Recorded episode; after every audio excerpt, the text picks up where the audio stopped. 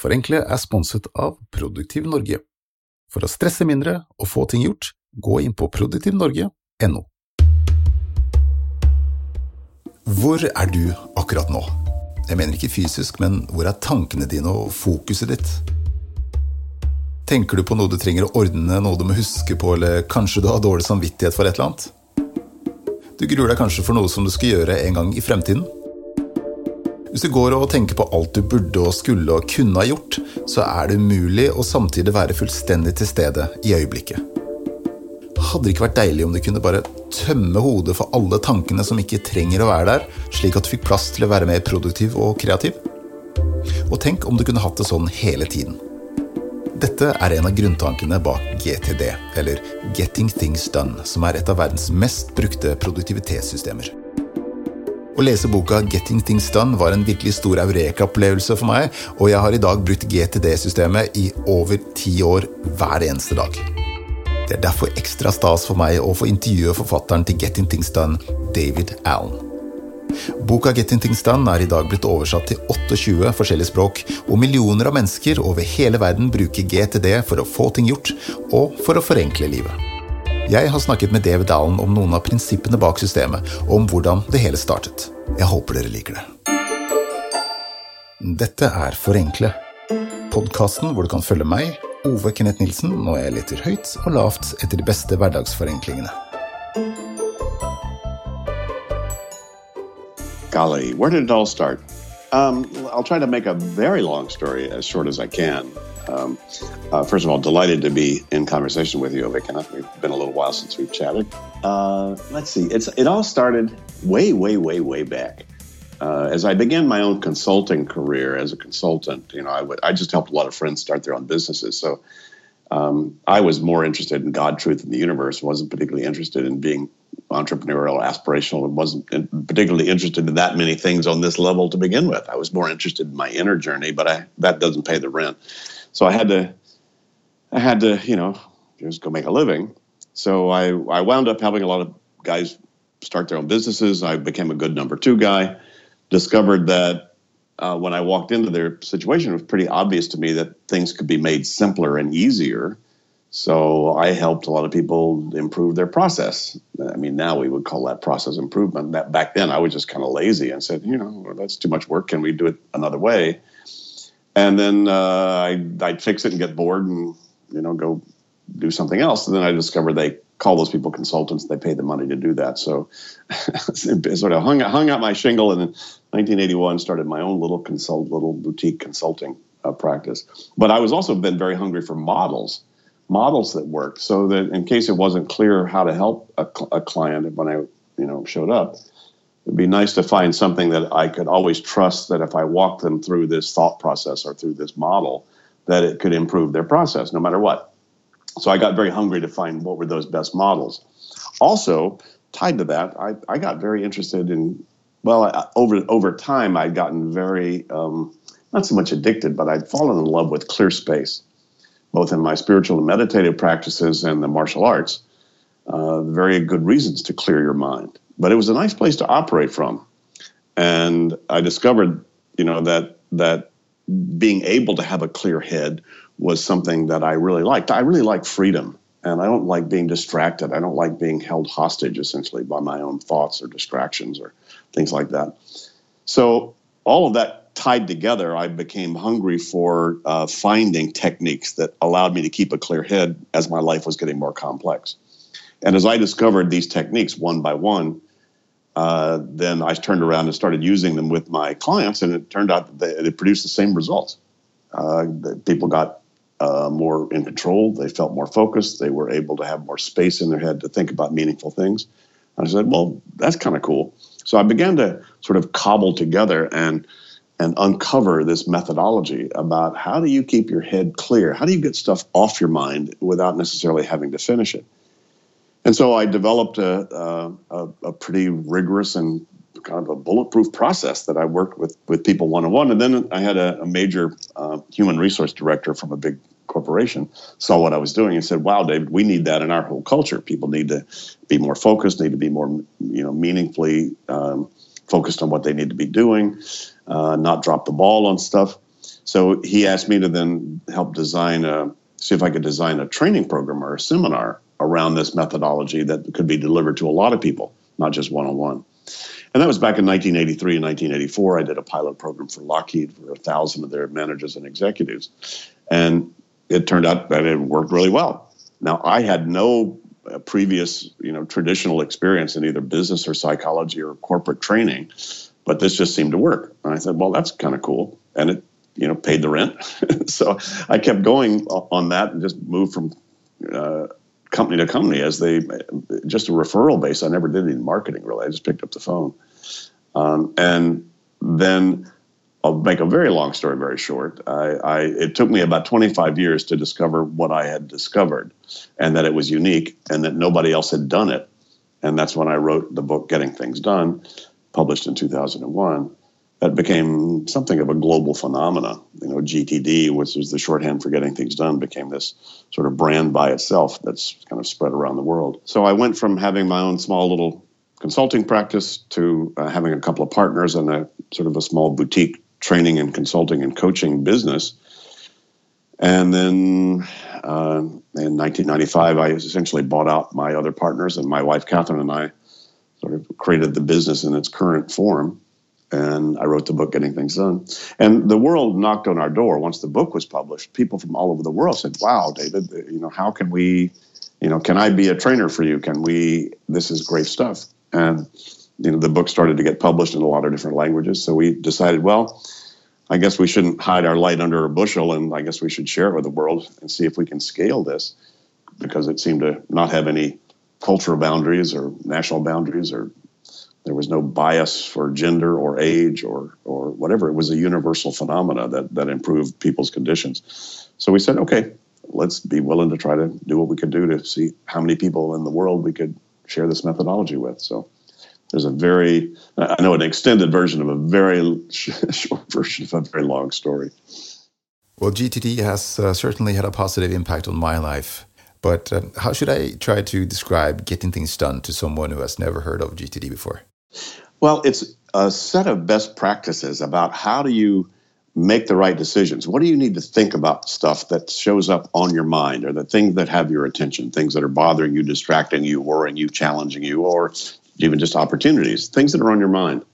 What do you need to do about those to make sure that they get out of your head so that you have clear space and also you know that they get done with as as much efficiency and ease as possible so it's really a set of techniques that allow you to do that. So the the end result really is more room in your head.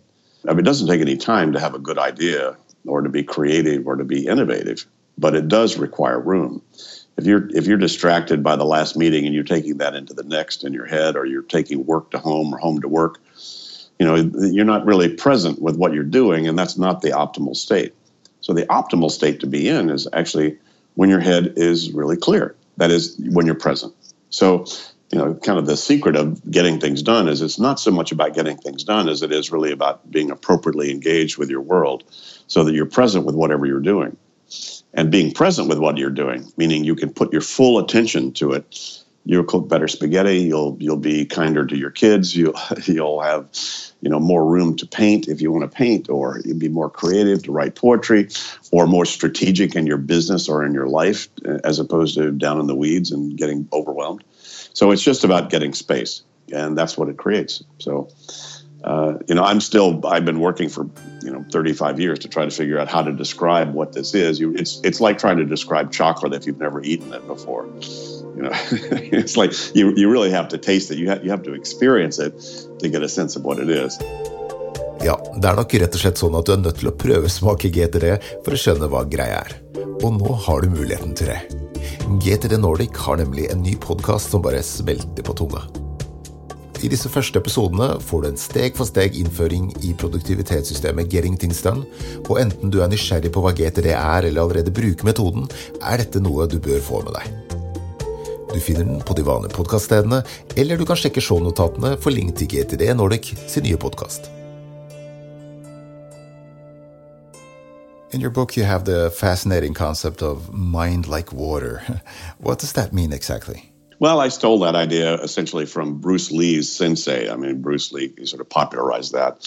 Uh, his sensei had trained him. So you need to be like water. That is, you need to be that flexible, that uh, responsive, that clear. Essentially, water is not confused. It's it's it appropriately engages with whatever its environment is, and so that idea is having a clear head, having being sort of uh, easy in your head so that you can respond appropriately. See, if four people jump you in a dark alley, you do not want to have 2,000 unprocessed emails in your head.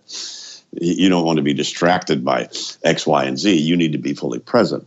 So the idea is essentially the metaphor there is is mind like water, meaning your mind is is responsive. You don't overreact. You don't underreact. You're just appropriately engaged in whatever the thing is that you're engaged in or should be engaged in. I often heard you compare GTD to self defense and the martial arts. Someone who has mastered GTD is even referred to as a GTD black belt. Do you feel that GTD is like a martial art? I think so, in that, I mean, navigating the world these days is a martial art. I mean, how many social media, you know, pings are you getting, you know, a day? How many emails are you getting? How many thoughts are you having? In a sense, it's the stress of opportunity how many things could you be adding value to today? What things could you do? What are, how many things are you committed to to improve, to enhance, to whatever? And oh my gosh, you know, and and that trying to navigate through all that. I mean, in any 10 minute period, at least most professionals that I deal with these days, just in a 10 minute period in the afternoon they may have suddenly their printer runs out of ink and they got an email from an angry customer and they got a phone call from their aunt and they got a text from their mother and their boss walked in and gave them a you know huge surprising thing that they didn't expect. You know and that's just 10 minutes. Give yourself 10 hours of that you know and then are you know at, at, the end of the day are you going yo dude bring it on let's have some more or are you toast? So you know the, navigating all that is a martial art you know you know uh, block attack you know strike well relax you know take a breath. Okay what's next? So it, it really is that in other words being able to respond uh, quickly. Uh, you know people have often asked what's the martial aspect of the art? And the martial aspect of the art really it has to do with engaging with a world that is potentially in conflict or in dissonance. And how do you manage th- manage through that? As opposed to ballet or painting or whatever. Yeah in in their own way you're you're dealing with the dissonance of of the art itself you know and the craft. Um, you know none of those are easy. Uh, but martial has a lot to do with navigating the world as it's coming at you, uh, as it may be surprising you, and and dealing with things unexpected, and being able to be essentially, you know, my second book was called Ready for Anything, so it's really kind of uh, how ready are you for the surprises and changes coming toward you. So that's a lot. That was a lot of my training in the martial arts was how well could I do that? How well could I get what in the military they refer to as situational awareness? You know you can see short term medium term long term you, you've got, a soft scan. You know in the martial arts soft scan is you you you let yourself sort of see the whole environment and then you focus specifically you know as need be and then you stop and you soft scan again and that's very much how we how we need navigate our world. So it's not like a martial art. It is a martial art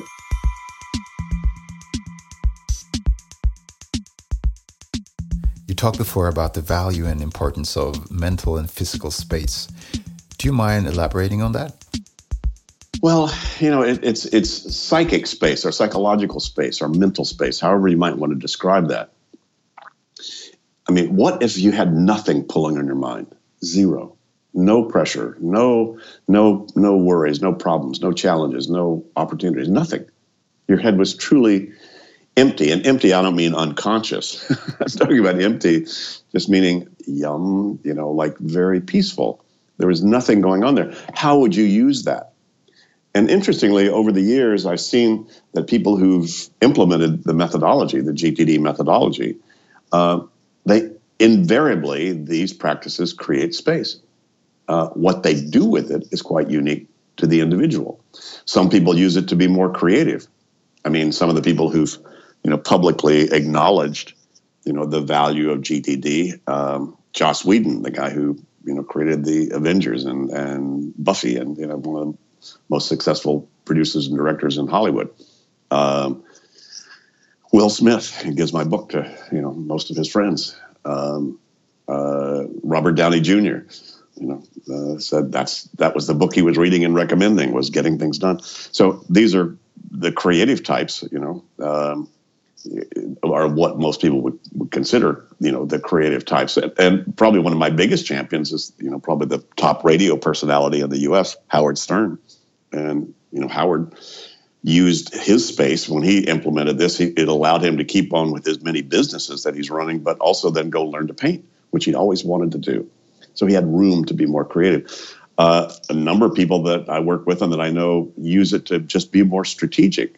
So instead of sort of being wrapped around the axle down down in the weeds all day long and then wondering what happened, they're much able, much more able to have space to look around and see from see things from a higher horizon you know, take a look, you know, what's coming up the next months or year and, and, and, and see things in that way. Uh, a lot of people just, just experience being present. I mean, some of the most dramatic testimonials I get are from parents. They go, "Oh my God, you know, I was actually able to watch my kids play football without being on my smartphone." I mean, that may not sound transformational to some people, but you parents know what I'm talking about. So that's that's the space, uh, the room room to be where where you are doing what you're doing, and not be divided in your consciousness. That sounds nice. it is, and it's a lovely place to be, and it's actually not that hard. Not that hard, meaning the techniques that get you there are not hard to do. It is quite a habit to change to actually go implement those techniques on a habitual, consistent basis.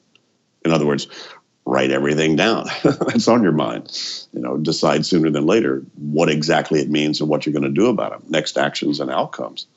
And then organize that in some trusted, systematic way that then you build in a regular review and reflection process about all the contents of that so that then you're feeling present about what to do. And that was, you know, 30 seconds of essentially what it's taken me 72 years to figure out.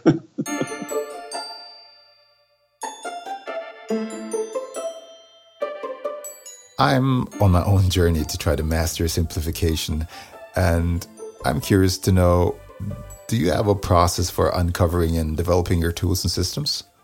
Well, I, I think, uh, you know, when I began to uncover these techniques, uh, they, there was there were some big, some pretty big ahas that happened over a period of maybe four, five, six, seven years. You know, in the early 1980s, as I was uh, sort of putting these things together, finding the different pieces, and building sort of an educational model around this, uh, given the, the task that I had to do a lot of training in a lot of big organizations with this material.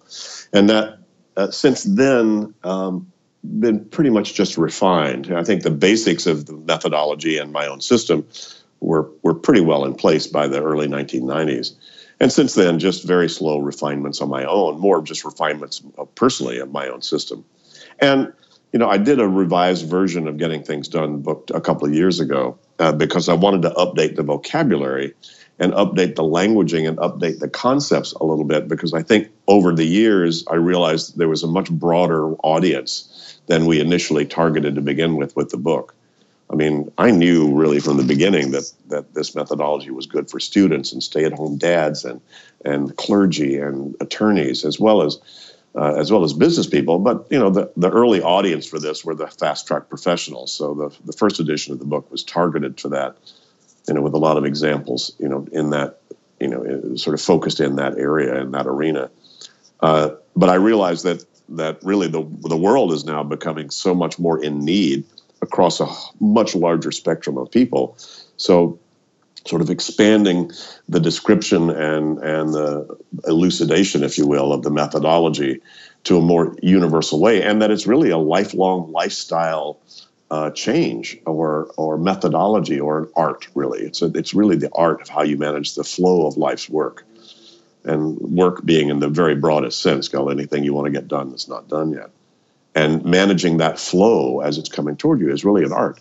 It's not just a one-time, you know, time management tricks and tips. There are a lot of good tricks and tips, you know, that's sort of risen to the surface in this methodology. So you don't have to go implement everything to get a lot of value out of it. Um, but I think learning uh, that's a lot of what the refinement was for me was was really understanding how to describe this uh, in a much more universal uh, way uh, and its subtleties and its implications. So, if you could have traveled back in time, would you have done anything different? You know, it's kind of hard to say anything should have changed because my life is so great now. You know, I'm so blessed doing what I'm doing. I think everything's kind of led up to this. So everything seemed to, you know, have been a factor that helped, you know, get me to where I am. I would say probably lighten up, relax, you know, give, give yourself permission to have more fun and uh, have a lot, have maybe a little more confidence that this is unique and valuable stuff, and people really want to know about it. Back then, I, I was, you know, kind of in the wilderness, wandering around, wondering, you know, kind of. I'd wake up in the morning, and depends on which side of the bed I got up, on whether I thought, "Gee, I wonder." I, I, wonder how come only two million of my books have been sold. There are seven billion people on the planet. Come on, folks, wake up! And most of the other days I wake up and go, I'm surprised anybody gets this. So I'm, del- I'm, delighted to find out anybody who sort of gets this material and starts to apply it and, and you know finds the value in it. So I range between those two things. between, hmm, you know. Did you at any point consider throwing in the towel and, and just giving up the whole project? Not not really, not really, because this this stuff worked. It worked instantly for anybody and everybody. So as long as I could make a living, you know, my my if some re, for some reason everybody in the world suddenly got this and there was no need for me anymore, I would probably go wait on tables. Probably my second favorite profession, as being a, a good waiter in a good restaurant. You know, serving good wine. So, uh, but no, I, I I've just put one foot in front of the other and just kept going and just sort of looking for the next opportunity to to share this and and you know keep a, a reasonable viable business model so I could keep doing it. So uh, still doing that. I neste episode fortsetter jeg intervjuet med David Allen, og da skal vi snakke om forenkling. Simplification just says, you know, get it down to the essence. It's not asceticism like like go suffer. It's really more about you know get to experience the essence and the elegance of it. Boka til David Allen heter altså Getting Things Done, eller Få ting gjort, som det heter på norsk. Og produktivitetssystemet det brukes i dag av millioner av mennesker rundt omkring i verden, inkludert undertegnede. Sjekk ut GTD Nordics nye podkast for å få en innføring i Getting Things Done. Dagens ekstra takk går til Preben Grieg Halvorsen, som har laget signaturmusikken og flere av låtene til podkasten. Du er rå, raus og mange andre ting på R, og jeg setter virkelig pris på ditt viktige bidrag til Forenkle. Preben har også skrudd lyd på dagens episode, hvor Ole Arild Svendsen er produsent. Forenkle produseres av Hokus Fokus i samarbeid med Produktiv Norge. Så helt til slutt tenkte jeg jeg skulle dele en liten godbit fra G3, og det er den såkalte tominuttersregelen. Dette er en regel som kan hjelpe deg å få ting ut av verden. Hvis noe tar mindre enn to minutter eller mindre å fullføre, så skal du gjøre det med en gang, sier denne regelen. Du skal ikke skrive det ned, skal ikke vente med det, du skal rett og slett bare gjøre det med en gang og få det ut av verden. Hvis du ikke gjør det, så er sjansen stor for at du bruker mer enn to minutter bare på å prokrastinere og tenke på å organisere den oppgaven. Så få det ut av verden. Get things done.